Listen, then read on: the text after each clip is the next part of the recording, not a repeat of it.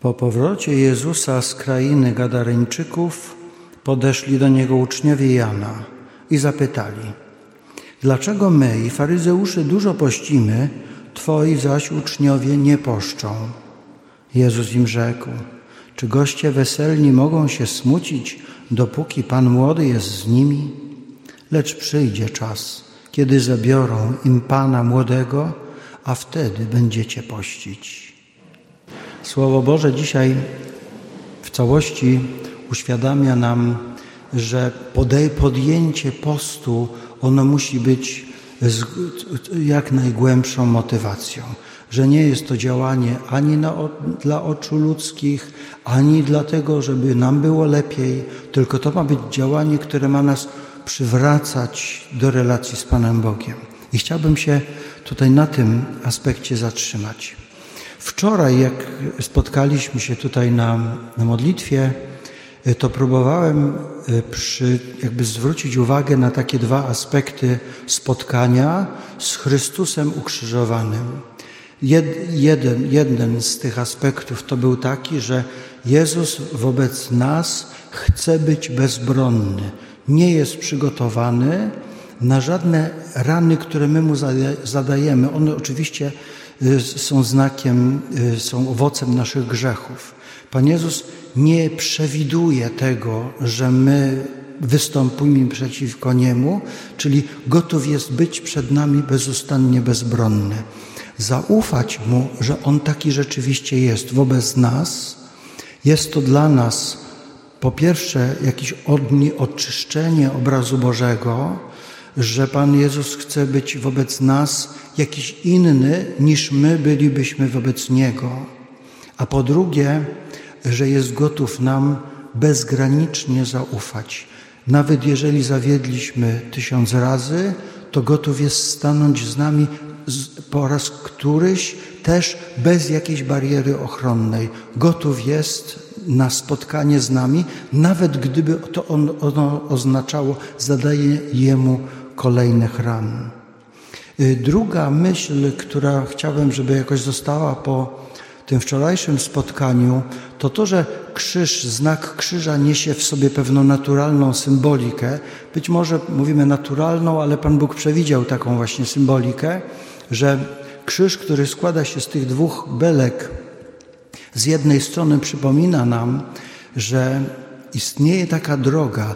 Bóg przychodzi do nas, do naszej małości, do naszego takiego skupienia na sobie, do tego naszego, do tej naszej codzienności, także, która jest y, słaba, po prostu grzeszna, ale po to, żeby nam otworzyć drogę do spotkania z sobą. I że ta belka pionowa ma nam ciągle to przypominać, że jest ta wzajemna droga otwarta. Bóg przychodzi do nas, aby nas pociągnąć do siebie, a z kolei belka pozioma krzyża, ona ma nam przypominać, że y, nikt tutaj z nas nie jest samotny ani w swoim grzechu, tylko w jakiś sposób ranimy całą wspólnotę. To jest taka wspólnota grzeszników. Można powiedzieć, że ta belka pozioma nam o tym przypomina, a zarazem, że Pan Jezus wszystkich chce pociągnąć do siebie że dla Niego to nie jest y, decydujące, to, że jesteśmy wspólnotą grzeszników, że miałby znowu odsunąć się od nas. I chciałbym, żeby krokiem następnym, jaki zrobimy y, dzisiaj w tych, w tych rekolekcjach, żeby było takie zatrzymanie się nad tym, czym jest akt naszej wiary, akt naszego zaufania w to, kim Bóg jest dla nas i kim chce, żebyśmy byli wobec Niego. Y, to można przyjąć jako pewną informację, ale to można też przeżyć jako pewne doświadczenie. Tak, chcę siebie Tobie powierzyć. To ma być ten akt wiary, do którego nas chce y, Pan Jezus doprowadzić. Chciałbym zatrzymać się nad tym fenomenem wiary. Dla mnie jest to zawsze zaskakujące. Jakoś tak myśląc o sobie, mogę powiedzieć, że z mnóstwem przeróżnych pytań i etapów mojej drogi życia, że zawsze wierzyłem Panu Bogu. ale niezmiennie, bez względu na to, jak ja to przeżywałem, tą moją wiarę, zawsze zdumiewało mnie to, że spotykam innych, którzy też wierzą. Jakoś to było dla mnie tak zaskakujące i tak, tak, tak cieszy mnie, kiedy mogę spotkać innych wierzących. Dlatego spotykanie się na wspólnej modlitwie jest dla mnie jakimś takim niesamowitym umocnieniem. Aha, to nie jest moja indywidualna wiara, jakieś prywatne objawienie czy jakiś prywatny wybór, tylko to jest coś, co zostaje potwierdzone przez obecność każdego tutaj z nas, że, że ta, ta nasza droga wiary jest czymś prawdziwym, potwierdzamy sobie nawzajem, też będąc na, na drodze wiary. I tak, w drodze wiary każdy z nas doświadcza jakiejś kruchości. To znaczy, powinien stawiać sobie pytania, czy moja wiara jest czymś prawdziwym i czy ja wierzę prawdziwie. To, co, co, co to jest moja wiara prawdziwa? W czym się jakby mieszczą kryteria, po czym mogę to poznać? A czy ja wierzę prawdziwie? Powinienem sobie takie pytania zadawać. Ja teraz mam takie doświadczenie ciekawe, ponieważ żyję w mieście, w którym taka dominująca większość jest osób zupełnie niepraktykujących wiarę. No nie mam okazji, żeby ich jakby poznać na tyle, żeby jakby sprawdzić, na ile, jakie sobie zadają pytania życiowe, co jest dla nich najistotniejsze ale spotykam y, jakby na co dzień przede wszystkim ludzi, którzy no nie, nie, nigdy nie spotkam w kościele, może nigdy, nigdy dotąd nie spotykałem w kościele, może kiedyś kogoś spotkam. I to jest takie spotkanie, które budzi też pytanie o sytuację człowieka niewierzącego. Y, przyjęło się trochę tak, że jak ktoś mówi, że jest wierzący, to znaczy ten, kto chodzi do kościoła. Nawet to jest taki jakby slogan, synonim. Chodzę do kościoła, to znaczy no, należę do kościoła, staram się wierzyć, staram się zachować przekazania, praktykować swoją wiarę na co dzień. No, to jest to nasze chodzenie do kościoła. Ale są też tacy ludzie, którzy mówią, nie chodzę do kościoła. I niestety wśród takich osób, które mówią nie chodzę, rzadko spotkałem takich, którzy nie chodzą z przekonania, ponieważ są przekonani, że to jest słuszna droga. Zwykle nie chodzą, bo nie chodzą, bo nie mają na to żadnego uzasadnienia. I mogę powiedzieć z, tak z przyzwyczajenia, z nawyku, przestali chodzić i na przykład mówią, nie widzę takiej potrzeby. Przyznaję, że jeżeli mam okazję na jakąś rozmowę, często spotykam ludzi w takich sytuacjach, kiedy musimy się spotkać, na przykład przy okazji przygotowania do, do małżeństwa. Często są takie osoby, z których jedna jest wierząca, druga niewierząca. I zawsze zadaję sobie pytanie, czym uzasadniasz swoją wiarę? Jaki masz argument na swoją niewiarę, a nie tylko to, że po prostu przestało ci się chcieć chodzić. Czyli niewiara też powinna być poważnie uargumentowana, ale tak samo jak wiara powinna mieć dla nas jakiś ważny fundament. Musimy umieć obronić swoją wiarę. Dlaczego wierzę? Co jest dla Ciebie argumentem wiary? I tutaj takie tradycyjne rozróżnienie, które bardzo dużo wyjaśnia, ono pochodzi od świętego Tomasza z Akwinu, dominikanina. Y, takiego bardzo wybitnego teologa z XIII y, wieku, tam umarł w drugiej połowie XIII wieku. Y, on rozróżniał coś takiego, że poznawanie prawd wiary i znajomość Pisma Świętego to jest jakby zawartość treści wiary.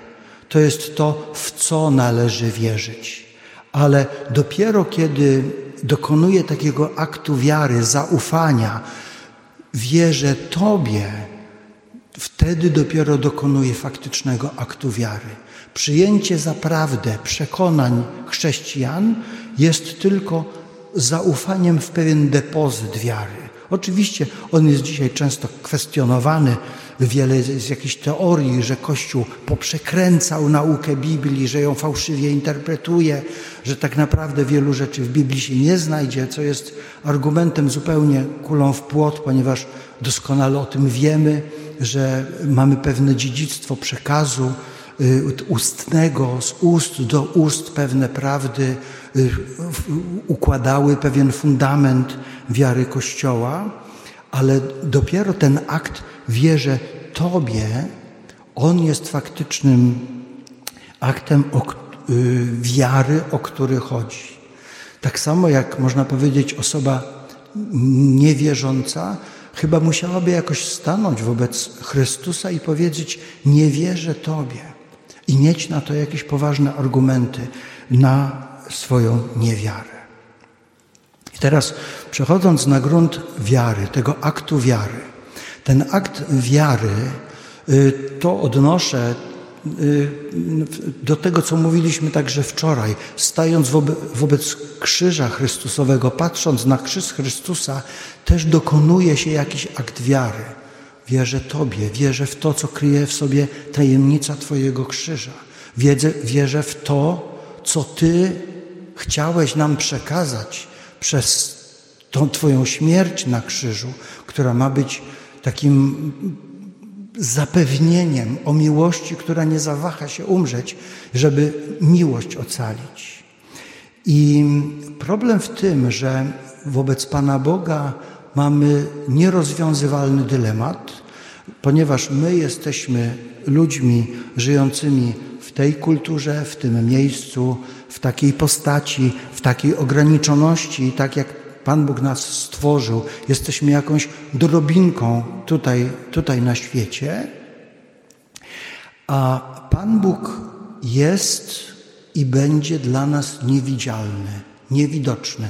Nie można go w żaden sposób zobaczyć, ani nie można go odczuć. Jakieś kierowanie się emocjami na drodze wiary bardzo łatwo nas zwodzi.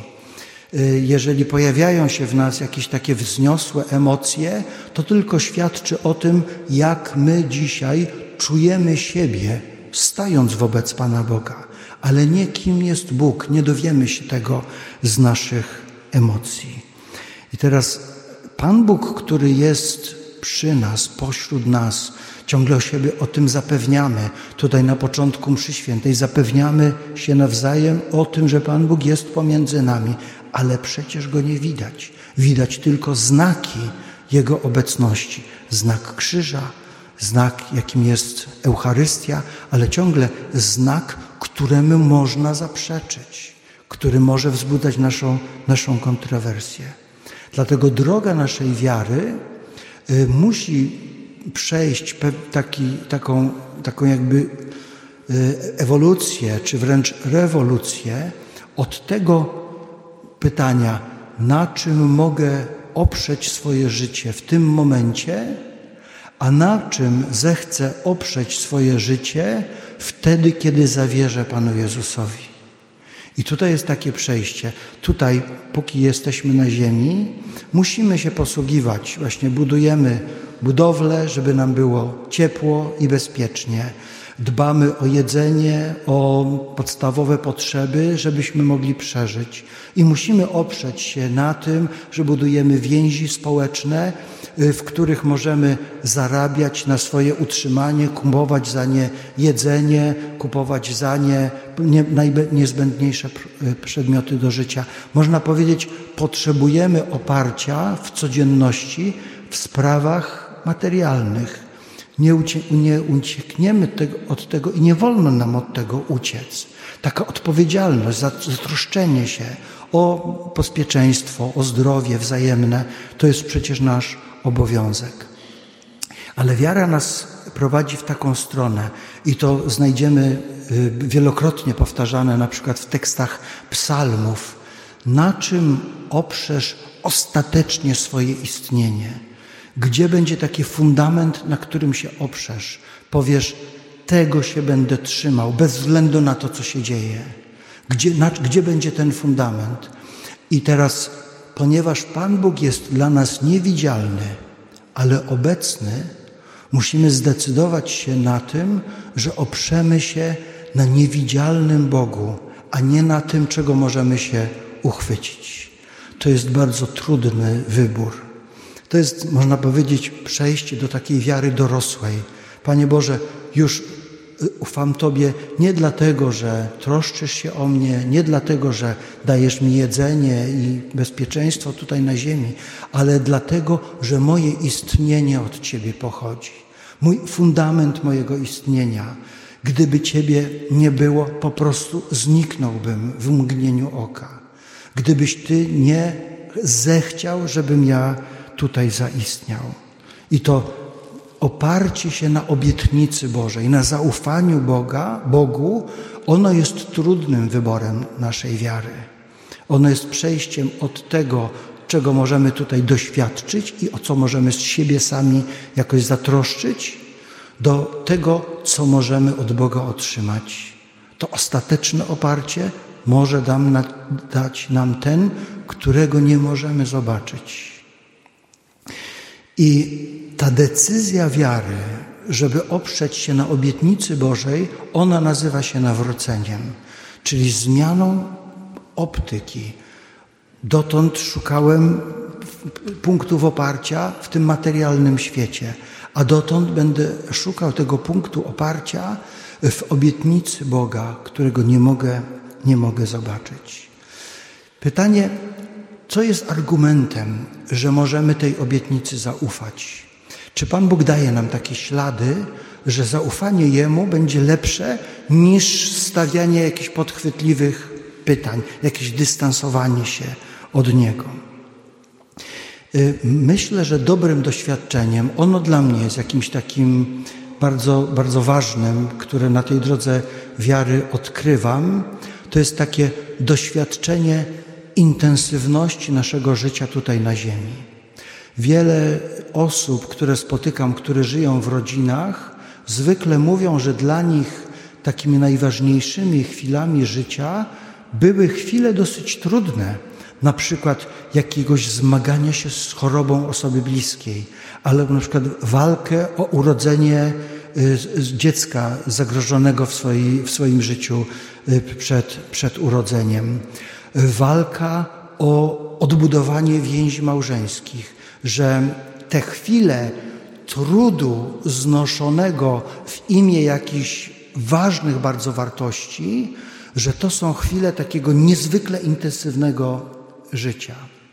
Ale żeby nie zatrzymywać się tylko na takich trudnych doświadczeniach, powiedzmy sobie, że mamy też w naszym życiu takie chwile takiej, takiej wybuchającej radości, kiedy wiemy, że to, co się dzieje teraz, jest niezwykle piękne, chociaż ulotne.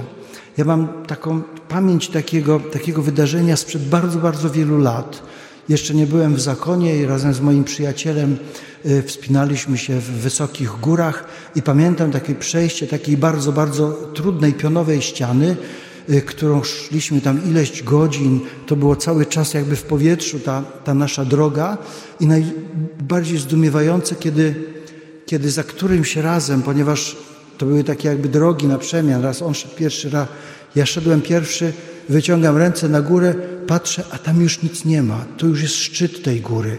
Wyjście na, na górę otworzyło taki ogromny, przepiękny widok. To jest chwila takiego niesamowicie intensywnego szczęścia, które oczywiście nie będzie trwało wiecznie. Ono za chwilę przeminie, ale ten moment odkrycia, jak to jest piękne, ono jest też takim przeżyciem, które pokazuje nam taką prawdę. Są w naszym życiu chwile niesamowicie intensywnego przeżywania naszego życia. One są w chwilach trudności, ale też w chwilach radości. Pan Bóg poprzez tego typu doświadczenia pokazuje nam, że istnieje świat, w którym będzie taka nieprzemijająca intensywność i nieprzemijająca radość. Przecież Pan Jezus bezustannie o tym mówi. Mogę Mu zaufać, bo doświadczam już teraz takich chwil intensywnego przeżywania naszego, naszego życia. I teraz jeszcze jeden krótki taki dylemat. Y, wiara indywidualna i wiara wspólnotowa. Y, czasami jakby są chwile, kiedy idziemy w osobistym zmaganiu się z wiarą, z Słowem Bożym, z pytaniami o moje życie, o wartość mojego życia. To, co mówimy w czasie Wielkiego Postu, też o podnoszenie się z upadków. To są strasznie trudne czasami momenty takiego, takiego podupadania na duchu, kiedy już nie wierzę w to, że mogę naprawdę do Pana Boga należeć. A też są takie chwile, kiedy y, po prostu zwyczajnie jestem wewnątrz wspólnoty i wiem, że nawet ja, jeżeli mam mnóstwo pytań, to są obok mnie tacy, którzy na te pytania już znaleźli odpowiedź, że możemy sobie nawzajem zaufać. Spotkanie człowieka świętego to nie koniecznie ci z obrazów świętych, czasami tych, tak jak mówi papież Franciszek, świętych z sąsiedztwa. Mam takich, takie, tak, taką znajomą rodzinę, już bardzo starszych ludzi, gdzie ta pani, ta żona, y, ona niestety miała jakiś taki neurologiczny jakiś epizod, że z trudnością wstaje z łóżka, w zasadzie leży i wymaga opieki. I jej mąż, który też już jest w bardzo podeszłym wieku, y, bezustannie powtarza, kiedy mogę ich spotkać, mówi: Rzeczywiście brakuje mi sił, ale przecież jej nie opuszczę, przecież jej nie opuszczę, bo ślubowałem jej aż do śmierci. On, mimo że brakuje mu sił, żeby opiekować się to swoją, to swoją żonę, chce zrobić wszystko, co jest możliwe. To są takie chwile, kiedy spotykamy y, świadka. Mówimy tak, przecież taki wybór, on jest najlepszy. To jest właściwy wybór mogę się oprzeć na tym Jego wyborze, idąc w moich poszukiwaniach i w moich, w moich ciemnościach. I może jeszcze jeden taki aspekt naszej wiary. Wiara, która jest pielęgnowaniem pewnego dziedzictwa i wiara, która ma odpowiadać na pytania naszych czasów. To są jakby dwa aspekty tej samej drogi. Z jednej strony nie mamy nic zagubić z depozytu, który jest najważniejszy, który zostawił nam Pan Jezus. A z drugiej strony mamy sobie zadawać pytania, gdzie Pan Jezus jeszcze dzisiaj w świecie może być obecny? Y, czy może być w tym, w tym nowoczesnym świecie? Y, w tym świecie, gdzie komunikujemy się na odległość, gdzie wszyscy możemy jakby mieć dostęp do tych do podobnych informacji? Y, czasami tak jakby wydaje się, że nieograniczony, y, czy w tym świecie jest też miejsce dla działania Boga i dla Jego obecności. Zadajemy sobie takie pytania, na ile te czasy, w których jesteśmy, y, zmuszają nas do nowych odpowiedzi na pytania wiary, a zarazem czy te odpowiedzi nie gubią tego skarbu, który nam przekazali apostołowie. Więc wiara, która jest pielęgnowaniem pewnego depozytu i rzeczywiście poznawaniem tego z depozytu wiary, a zarazem, która nie boi się stawiać nowych pytań, gdzie Pan Jezus będzie dzisiaj jeszcze mógł działać i gdzie będzie mógł być obecny. Ostatecznie ta droga ma nas doprowadzić do takiego stanięcia y, twarzą w twarz chciałbym, żeby pozostał nam y, nadal przed oczyma ten obraz Chrystusowego krzyża. Kiedy patrzymy na krzyż Chrystusa i, mówi, i, i możemy zadać pytanie, Panie Jezu, to to jesteś Ty, to Ciebie szukam, to Tobie zaufałem, Ty tak wyglądasz, taki chcesz mi siebie pokazywać. Te pytania, które zadajemy wprost Panu Jezusowi, one będą tym krokiem w tą wiarę, która będzie zawierzeniem, zawierzeniem. Chcę być z Tobą. Moje życie, ono ma wartość, jeżeli będzie drogą z Tobą i chcę takiego wyboru dokonać.